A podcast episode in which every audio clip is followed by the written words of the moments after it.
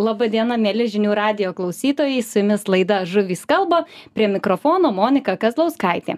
Šiandieną kalbėsimės apie gamtą, gamtos stebėjimą ir kaip žmonės, kurie galbūt nemažai laiko praleidžia gamtoje, tačiau tos gamtos nedaug pažįsta, apie ją mažai žino, manau kad turiu idealų pašnekovą šitai temai žmogų kuris gamtoje praleidžia labai labai daug laiko. A tai yra gamtininkas keliautojas rašytojas fotografą turbūt galima pristatyti selemonas paltanavičius. Sveiki. Sveiki gyvi visi vasara eina jau į antrą pusę tiksliau jau skaičiuojam paskutines vasaros e, savaitės dienas. Kaip jums prabėgo ši vasara? Ar teko pabuvoti prie upių ežerų šiek tiek tenais pasižvalgyti? E, Vasara, man atrodo, visiems ir man taip pat visada būna per trumpa, kokia jį bebūtų. E, žinoma, kai būna truputį karščiau, tai per karšta, kai vėsiau, tai vėsu mes dūsaujam bet kai vasara praeina visada pasakom kokia graži buvo šių metų vasara. Tai na teko tikrai e, visur lakstyti buvoti bet vis tiek manau kad labai nedidelę dalį tų sumanytų savo vietų ką būtinai reikėjo aplankyti kur pabūti tik galėjau aplankyt na tai yra elementarus dalykas. Štai žiūrėk ima ir kažkas pakviečia į žinių radijo laidą. Nu man labai smagu kad jūs atvažiavot kaip ir minėjau prieš laidą labai norėjau su jumis pasikalbėti nes manau tikrai turėsim apie ką ką aptarti. Am man yra labai įdomi jūsų nuomonė. Šią vasarą daug kas peikia sako kad jinai buvo tai drėgna tai per vėsi ypač daržininkai nepatenkinti nes ten visokie pomidorai numaravo ir taip toliau. Bet gamtininko akimis nes na aš esu labai mėgėjiška gamtos stebėtoja tik pradedu pažinti gamtą nors tikrai gamtoj stengiuosi būti nemažai mano žvilgsniu šiemet vasara pačiai gamtai atrodo dėkinga. Drėgmės yra upės pilnos kai kur net atrodytų tikrai tokios a sraunios ir iš krantų net išlipę. Miškai irgi drėgni grybų daug. Nu uogų gal ne visur tiek daug kiek mes norėtume žmonės. Bet kaip jūs matot šią vasarą gamtininko akimis? Ar gera ta vasara? Iš viso tiesiog E, na maždaug šešiasdešim metų stebiu aktyviai gamtą. Aš kaimo vaikas ir save kiek atsimenu tik su gamta. Nelabai kas da ir buvo įdomu ar kitaip gal pasakysiu kas jau kas bet be gamtos negyvenau.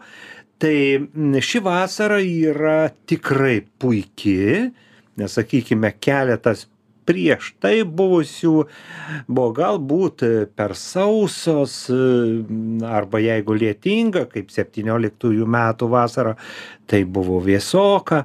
Šiemet tiesiog biologinės įvairovės tai augalai grybai gyvūnai visų yra tokia sakyčiau na masė taip turbūt ne nepadauginsiu sakydamas na e, dabar būdamas miškuose ir bet kur na tiesiog galvoju ar esu kada matęs kažkada taip jaunystėje seniai būdavo tiek daug drugių sakykime šiemet jų yra begalės. Na ypač na žinoma ten kur žmonės yra tvarkingi kur nesunaikino pievų kur žydi pievos e, ir kur mieste nenušienavo vejos ir ir nepadarė dykumos.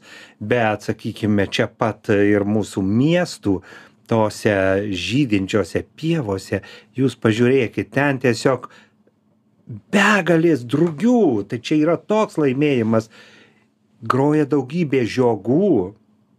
Na beveik tris keturias vasaras beveik negirdėjom žiogų. O šiemet jų daugybė ir jeigu dabar dar bus tokių karštų dienų tai tiesiog žiogai suoks iš visų pusių. Gal tik man taip pasirodė šią vasarą ypatingai daug varlyčių. Matau varlių gal dėl to kad tos drėgmės šiemet daug ir dėkingi metai joms išaugti bet kai nuvažiuoju į kaimą tai jie tus atrodo statai tą koją kad tiktais neužmintum. Taip jūs teisi nes sakykim tris pavasarius tiesiog varlių nerštas nevyko. Tuoj pasakysiu ką tai reiškia. Visos tos neršto balos o jos yra tradicinės varlės galbūt tiktai neišmanėliui gali atrodyt kad jos eina nežinodamos kur ir ne jos keliauja ten kur jų protėviai neršia tose pačiose balose. Taigi tos neršto balos buvo arba jau po žiemos sausos išdžiūvusios arba dar blogiau buvo šiek tiek vandens varlės išneršė ir tada išdžiūvo varlės rupūžės. Šiemet net ir šiandien rytą e, prie tokios e, balutės E, buvau, e, tai mačiau irgi rupūžių jaunikliai, na, tokį nago dydžio, na, knipžda daugybė, na, vienas maloniausių vaizdų. Man labai įdomu aš noriu pasitikslinti ar rupūžės ir varlės turi tokį patį instinktą kaip pavyzdžiui lašišos kurios plaukia ne neršti panaš į tą panašų upelį kurioje ir gimė taip pat ir varlės susirin is išsirita tose pačiose kūdrose. Taip čia jų žodžiu ta e, na sakykime tėvynės e, supratimas jiems yra nesvetimas. Jų bala yra jų tėvynė. Taip apie kūdras jau užsi e, užsiminėm pakalbėkim šiek tiek apie vandens telkinius apie žuvų elgseną. Kiek vat pavyzdžiui įmanoma gamtininkui stebėti žuvies elgseną? Jinai po vandeniu jinai tik retai kada iššoka ežere ten koks karpis gali pasirodyti salatis iššokti ten pliaukštelti uodega kaip jūs stebite ežerus upes ir žuvų elgseną? Ar išvis tai įmanoma padaryti o tai žinoma tai ir įmanoma ir tai reikia tą stebėt. Daug kas e, sako ypač žvejai tie jau tvirtieji kad štai paimsim e, echolotą dar kažką tų prietaisų siūloma vis kažkas naujo naujo. Viską mes čia pasakysim nustatysim. Va tokie dalykai man nėra įdomūs tai jau kvepia šiek tiek virtualiu pasauliu po to man smagiau na prie kokio upeliuko na jeigu yra sakykim lieptas tai tikrai net ir dabar aš mielai ar ar tiltelis aš ant to tiltelio sau įsitaisau atsiguliu ir galiu spoksot spoksot. Tai yra pats geriausias televizorius ir man atrodo kad tie tėvai kurie su savo vaikais atostogauja lietuvoj. Jūs ne vaikus siųskit bėkit vaikai nuo tiltelio pažiūrėt. Jūs pirma patys nueikit atsigulkit ir žiūrėkit kaip ten gražu. Ir nebūtinai kad čia bus žuvis prie žuvies. Ten judės daug kas ir vandens vabalai ir o vien augalai kaip ten srovėje vingiuos ir vaikai įsitaisys greta ir jų širdelėse atsiras toks naujas potraukis. Tai bet yra kitas dalykas sakykime na dabar kur nors šiltuose pakraščiuose ežere žiūrėkit kaip e, sukėlė net tokias bangas. E, tai ir karpiai ir karosai didieji plaukioja. Na o aišku pats turbūt e, mano e, nežinau reikės vėl kada susiruošti. Nesakysiu to upeliuko vardo bet tokį kur šokinėja kiršliai. Ypač reikia sulaukti po lietaus E, kada staiga plyksteli šiluma vakare e, ir kai išsirita viendienės arba lašalai ir kai jų būna daug ir virš upės ir tada tu ramiai prie vingio įsitaisai. Na aišku dabar e, tau foną sukuria uodai.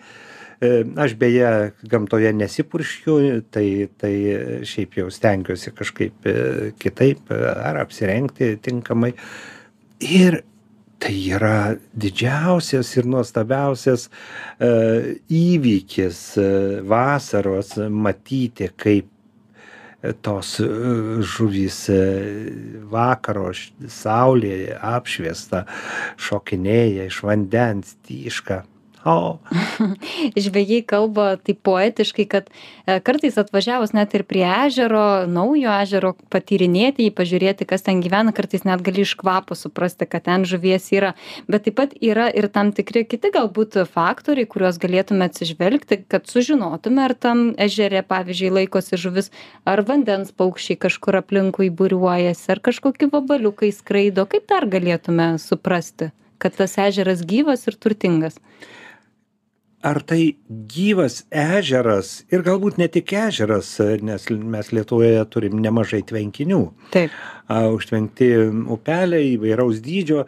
Na tiesiog turime žiūrėti į augaliją į augalijos pasiskirstymą nes e, ypač tvenkiniai labai dažnai kenčia žiūrėk nuleido nužemino kaip sako vandenį pakėlė ekologiškai tas toks tos sukcesijos kada e, nuleidžiama tvenkinys ir vėl užpildoma aišku tai nes ne šiaip sau bet derinant e, su e, aplinkosaugos žmonėmis nes vis tiek nuleidžiama daug vandens galų gale kartais ir žuvys pražūsta bet tai yra gyvybė. Būtent po tokio nuleidimo tvenkinys jau atsigauna bet tvenkinys yra dirbtinis vandens telkinys.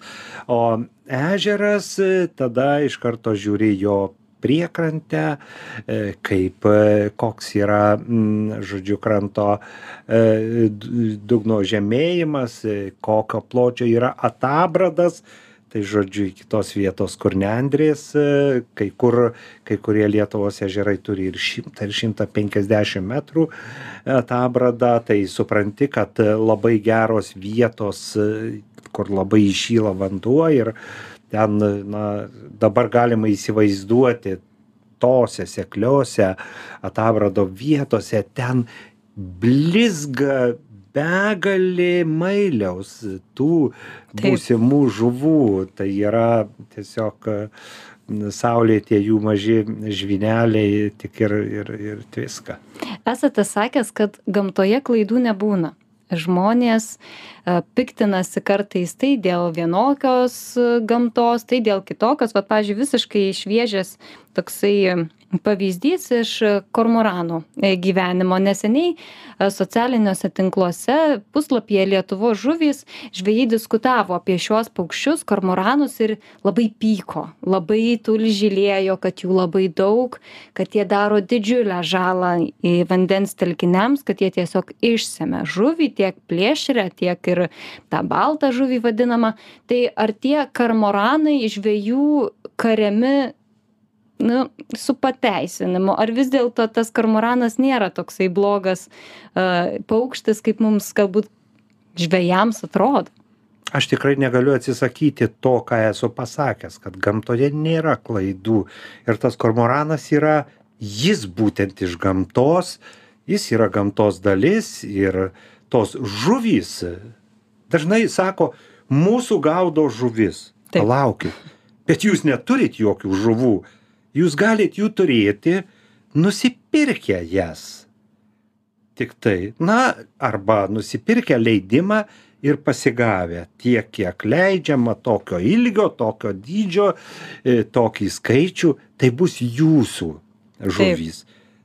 To žuvys, kurios gyvena ežere, jos iš tikro niekieno.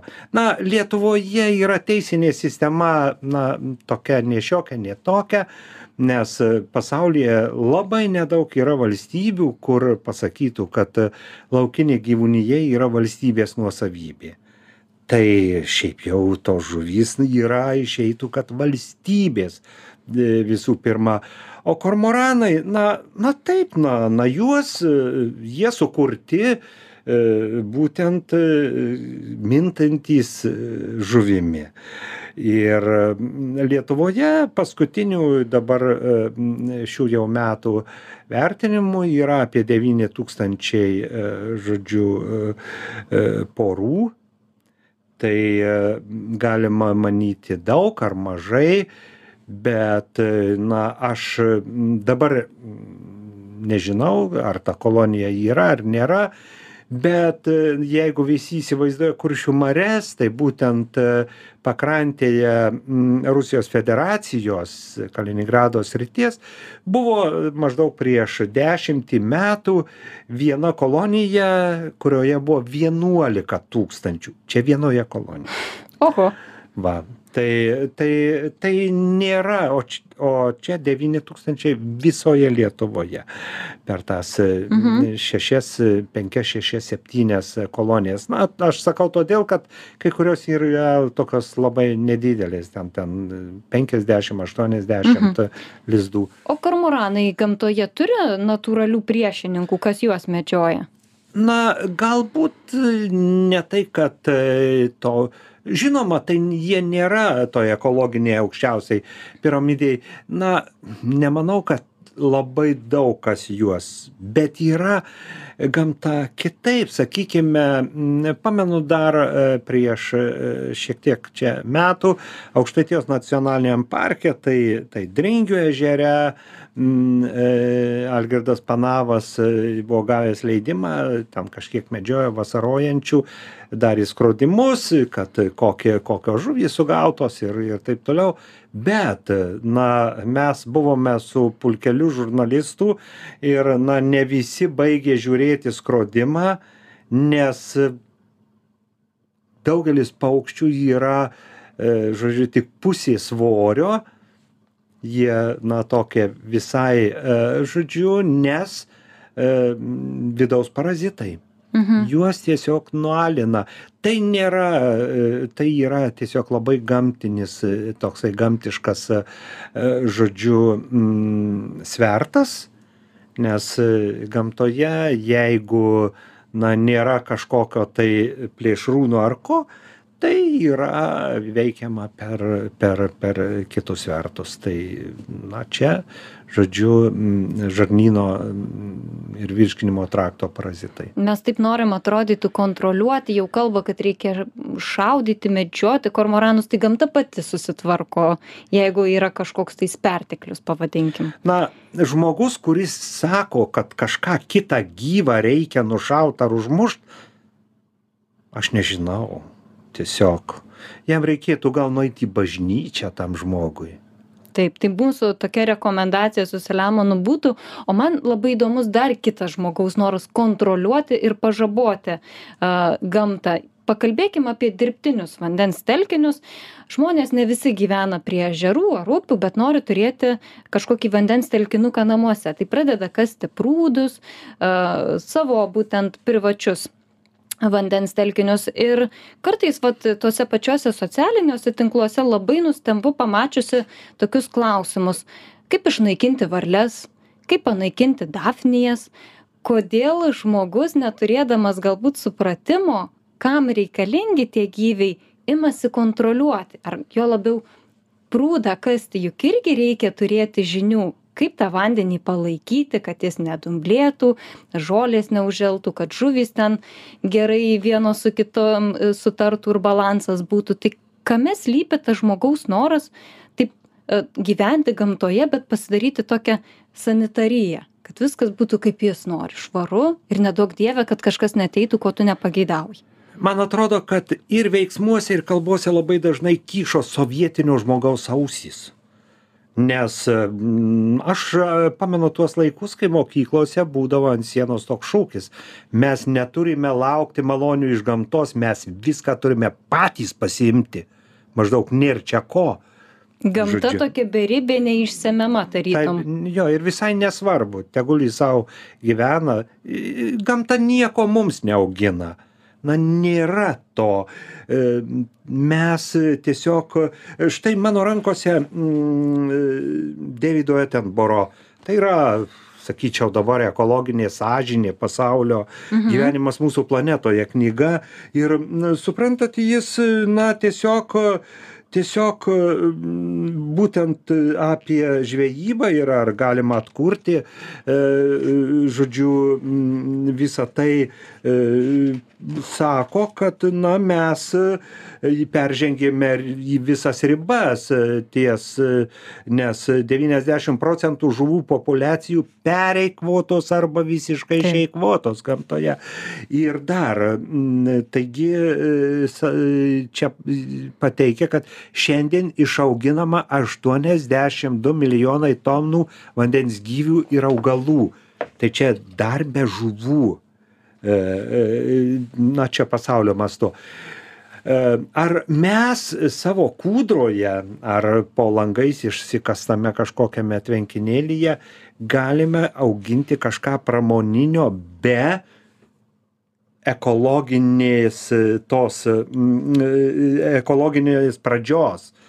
Kas tai yra?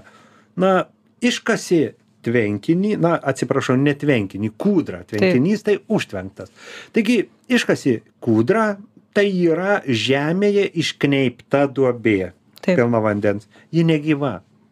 Ir jokia žuvis ten neauks. Ji, aišku, tu gali ten karpius ar kažką šersi, bet jam reikia ir natūralaus maisto, jam reikia detrito, e, na, galų gale, e, na, e, ar tu paršą augini, vis tiek tai yra žuvis.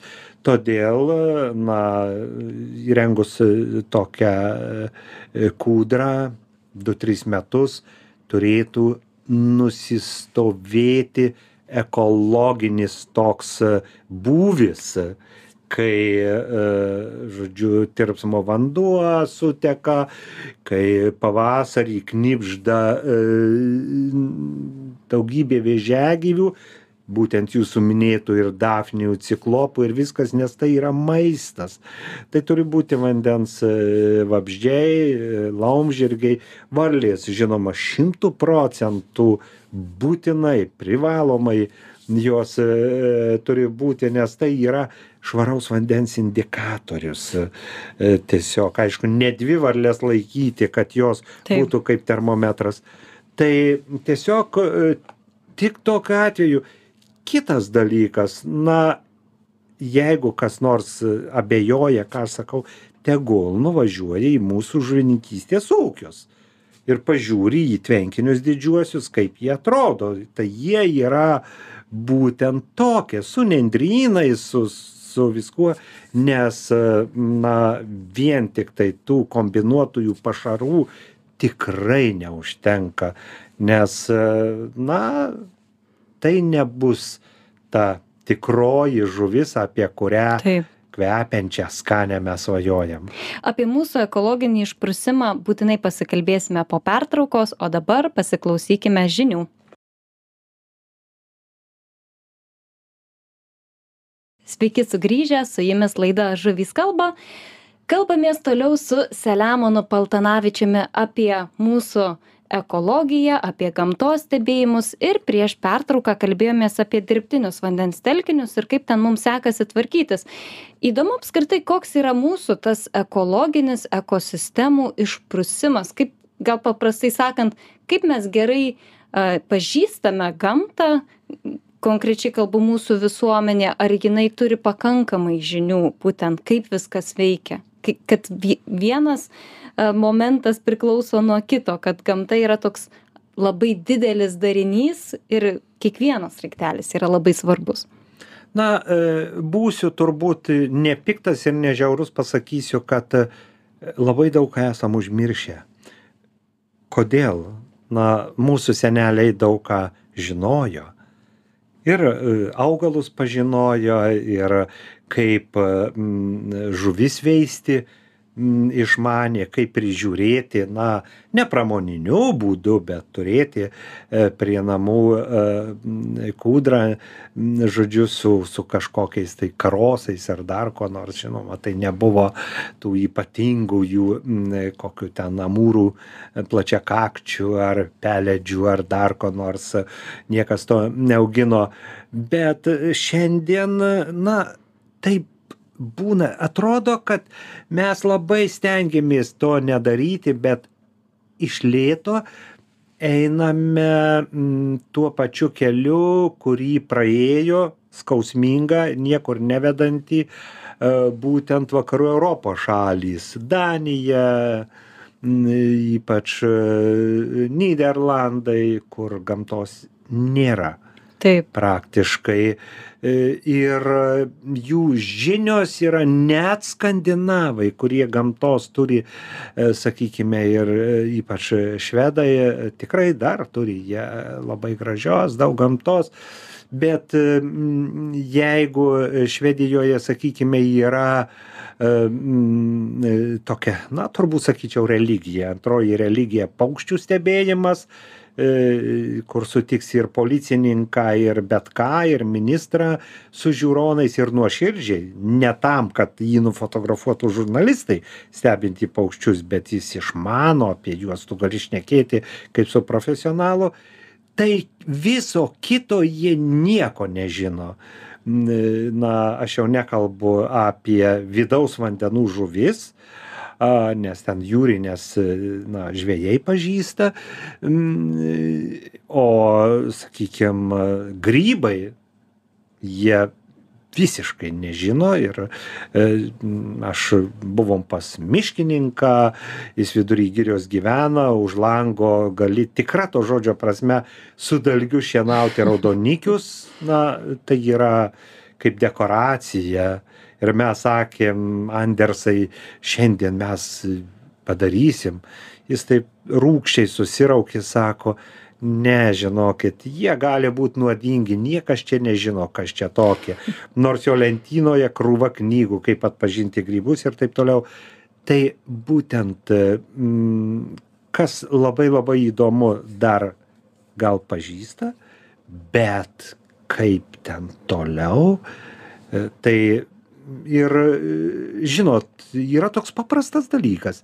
Nežino nepažįsta neišmano seneliai jų vaikai tai tėveliai ir anūkai.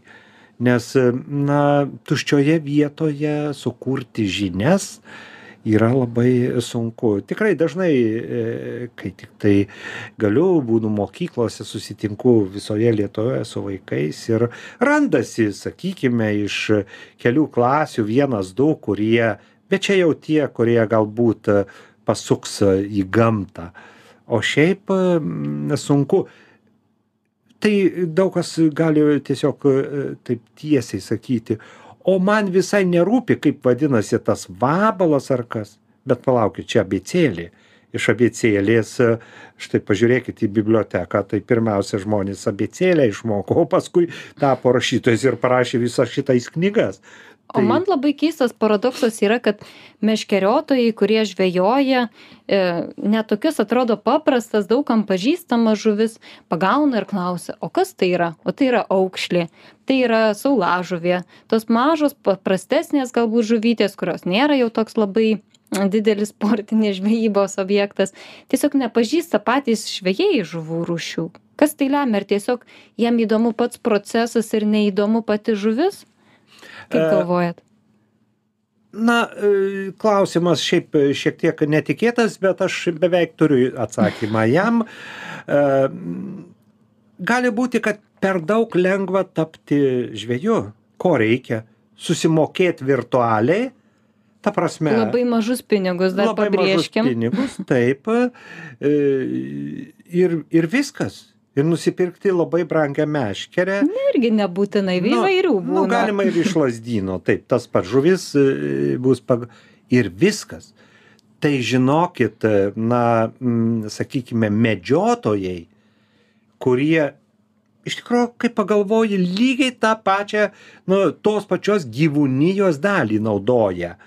Taip. Jie yra labai egzaminuojami ir labai prižiūrimi. O labiausiai, kad visi e, suprastų, pasakysiu taip, Vokietijoje, norint tapti medžiotoju, e, reikia įsilaikyti egzaminus. Tai aš galvojau kažkada būdamas nusipirkti, tas yra penkios knygos egzaminui. tu na tu praeini kursą ir žinot vokietijoje tu šiaip sau neišlaikysi tu turi žinoti viską kas tose penkiose knygose.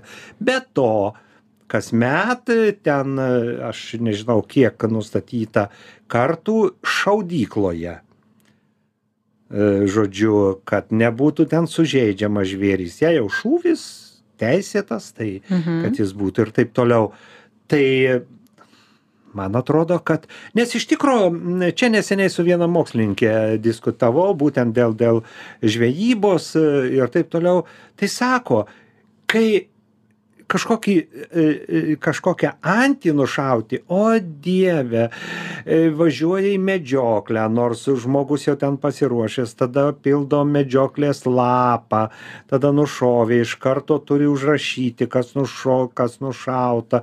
Neduok dieve rūšis na bus kažkas tai jam jau bus problemos ir taip toliau. O žuvies gaudymą na lygiai tas pats. Tai yra gyvūnas gyvas. Visi supranta vat maždaug taip sau. Einu pasiimu ir ir Taip. ai tai tai čia labai tokie rimti dalykai ir gali būti kad per daug lengvai pasiekiama man asmeniškai labai tokia skaudi tema yra ši ir teko kalbėti ir čia žinių radijuje su vienu žveju karpininku kuris yra labai didelis gamtos mylėtojas ir jam uždaviau tą klausimą ir jums užduosiu nes jūs paminėjote kad ir vokietijoje norint gauti medžiotojo bilietą tai ir lietuvoj laikomi egzaminai yra lygiai taip pat o galbūt verta diskutuoti jau ir kelti klausimą kad ir žvejams mėgėjams reikėtų išlaikyti bent kažkokį minimalų nesudėtingą egzaminą tam kad tas bilietas jam būtų pasiekiamas ir kad jis galėtų naudotis mūsų vandens ištekliais. Kaip galvojat ar būtų man atrodo geras kad sprendimas? man atrodo žinot kad dvidešim pirmam amžiuj kada e, žodžiu už viską mes turime būti atsakingi ir kiekvienas naudojimas yra privilegija jau. Tai m, būtų turbūt labai tinkama forma. Ir na aš tiktai su vienu nesutikčiau ką jūs pasakėt. Kažkoks lengvas paprastas. Ne lengvas ir paprastas. Mano mama kažkada labai labai seniai sakydavo kad jeigu aš pasiskųsdavau kad na kaime būdavo darbų ir tu vaikas o koks nors pavyzdžiui ravėti iš tris hektarus cukrinių runkelių kad sunku. O mama sakydavo vaikeli sunku tai ant minkštos paduškos. Na čia taip sau ant pagalvės sako gulėt ir kietą sūrį graužt tai sunku o visa kita lengva. Tai čia žodžiu na žvejas visgi tas meškeriotojas turėtų na pažinti žuvis. Ir na žinoti kad yra tokios e, taisyklės. Taip kokias žuvis galima imti dydžius e, žinotų terminus neršto žinotų ir neklausinėtų papildomai paskui socialiniuose tinkluose. Ir dar kas yra man labai įdomu kad medžiotojai jie tarsi iš gamtos išima tokius kur e, egzempliorius gal tas žodis nelabai gražus individus kurie tarytum yra kažkokie ar tais pasiligoję silpnesni o žvejai jie priešingai jie didžiuojasi sugavę vat kaip pernai buvo aš jau mėgstu tą pavyzdį kartoti jau kartojuosi kai sartų ežere aštuoniasdešimties kilogramų šamas buvo užkabliautas ir tai buvo žiniasklaidoje pristatyta kaip gyvenimo laimikis žvejys džiaugėsi didžiavosi o tai reikia suprasti kad tai žuviai užaugti reikėjo daugybės dešimčių kad tai yra stipri sveika žuvis kuri mūsų ežero ekosistemai tikrai duoda didelę naudą. Galų gale tai ir sportinės žvejybos yra didžiulis objektas kur žvejai sumokėtų didžiulius pinigus kad galėtų pamatyti įsiamžinti ir vėl paleisti. O mes vat didžiuojamės tais trofėjiniais laimikiais imdami būtent juos iš mūsų vandenų. Vat kodėl mes medžioklėje lyg ir atrodo sutvarkėm tam tikra prasme o žūklė vat ir liko taip paraštėse? Na jūs e, paklausėte jau iš esmės atsakėt per E, ilgai kalbėjau ne ne bet mm, taip klausimas yra labai e, teisingas ir to paties deivido etenboro jis e, pateikia pasaulinius pavyzdžius būtent kad e, didžioji yra problema būtent didžiųjų žuvų gaudymas kurios yra pačios visliausios kurios na sakykime tai yra genetinis garantas. Užtikrina visos tos rūšies e, genetinės ateities, žodžiu, sėkmę, e, o mes paimam ir pikšt ištraukėm, nusifotografavom, o ką reikėjo mums tos didelės žuvies, ką mes ją ten valgysime visi, paskui siūlysim vieni kitiem, gal tu nori gabaliuko, gal tu nori. Kažkaip nelabai net smagiai čia atrodo tai man atrodo kad šiandien jau e, daug žvejų žinoma čia irgi reikia apie tai atskirai dar kalbėti bet tais didžiąsias žuvis pagavo ir ypač ką karpininkai.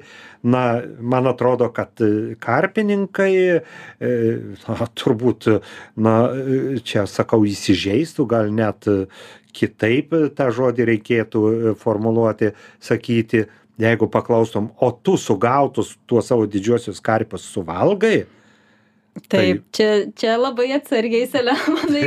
ne, tai aš žinau, aš, aš žinau ir aš, aš todėl ir sakau, tai būtų na, taip. visai jau net nepadoru taip klausti, nes jie netam, tai atėjo laikas, mums žuvies tikrai nereikia na, badui. Taip, šeimai kamšyti. išmaitinti. Taip, aš kaip juokai sakau, vaikai iš bado nespiegia kai tėvas išvažiuoja meškeriot, nes e, Taip. už tą benziną, e, meškerės, jaukus ir visa kita. Toks supratimas, kad žvejyba turi atsipirkti kad vat jau ne. atsivešiu, tai vat šaldiklį prigrūsiu, prisidėsiu, tai vat. Tai, tai, tai čia, čia yra sovietinis mūsų toksai palikimas turbūt. Tai čia yra baisus, baisus e, toksai ir sako kaip laukinis. Ne, laukinis žmogus niekada taip nedarė, e, nes e, laukinis žmogus susimedžiodavo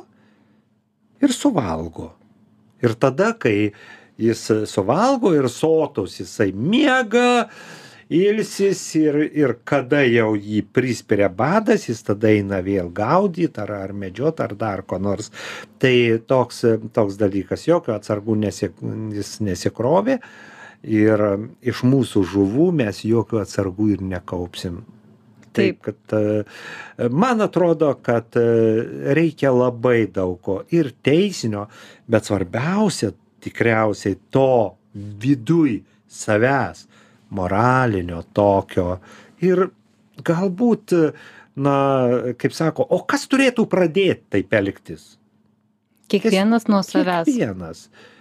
Visi. Tiesiog ir kad na būtų visai gražu kad sakykim apie žveją gražiai pagalvotų jeigu jis sako buvau galėjau sugaut bet žodžiu tuščiom grįžau. Arba buvau sugavęs bet paleidau. Tai man atrodo kad visai gražu. Ir kas keisčiausia kad tie žvejai kurie pagauna tas dideles trofėjines žuvis gal nebūtinai trofėjines bet dideles žuvis ir ima dideliais kiekiais visiškai nesivaržydami po kelių metų ateina lygiai į tuos pačius socialinius tinklus pavirkauti kad kažkas atsitiko nebeliko žuvies. Arba jos vat tik daug mažesnės. Tai turbūt reikia palinkėti žmonėms daugiau domėtis gamtoje ne tik būti bet ir stebėti ar ne selemonai ir laida jau pasiekė mūsų finišo tiesiąją. Aš noriu jums padėkoti kad atėjote pasidalijote savo stebėjimais savo įžvalgom kaip visada jūsų tikrai labai įdomu klausytis. O mes pasikalbėsime jau kitą trečiadienį tuo pačiu laiku. Su jumis buvo laida žuvys kalba ir laidos vedėja monika kazlauskaitė kuri kalbino gamtininką keliautoją rašytoją selemoną paltanavičių. Dėkui jums ir iki kitų kartų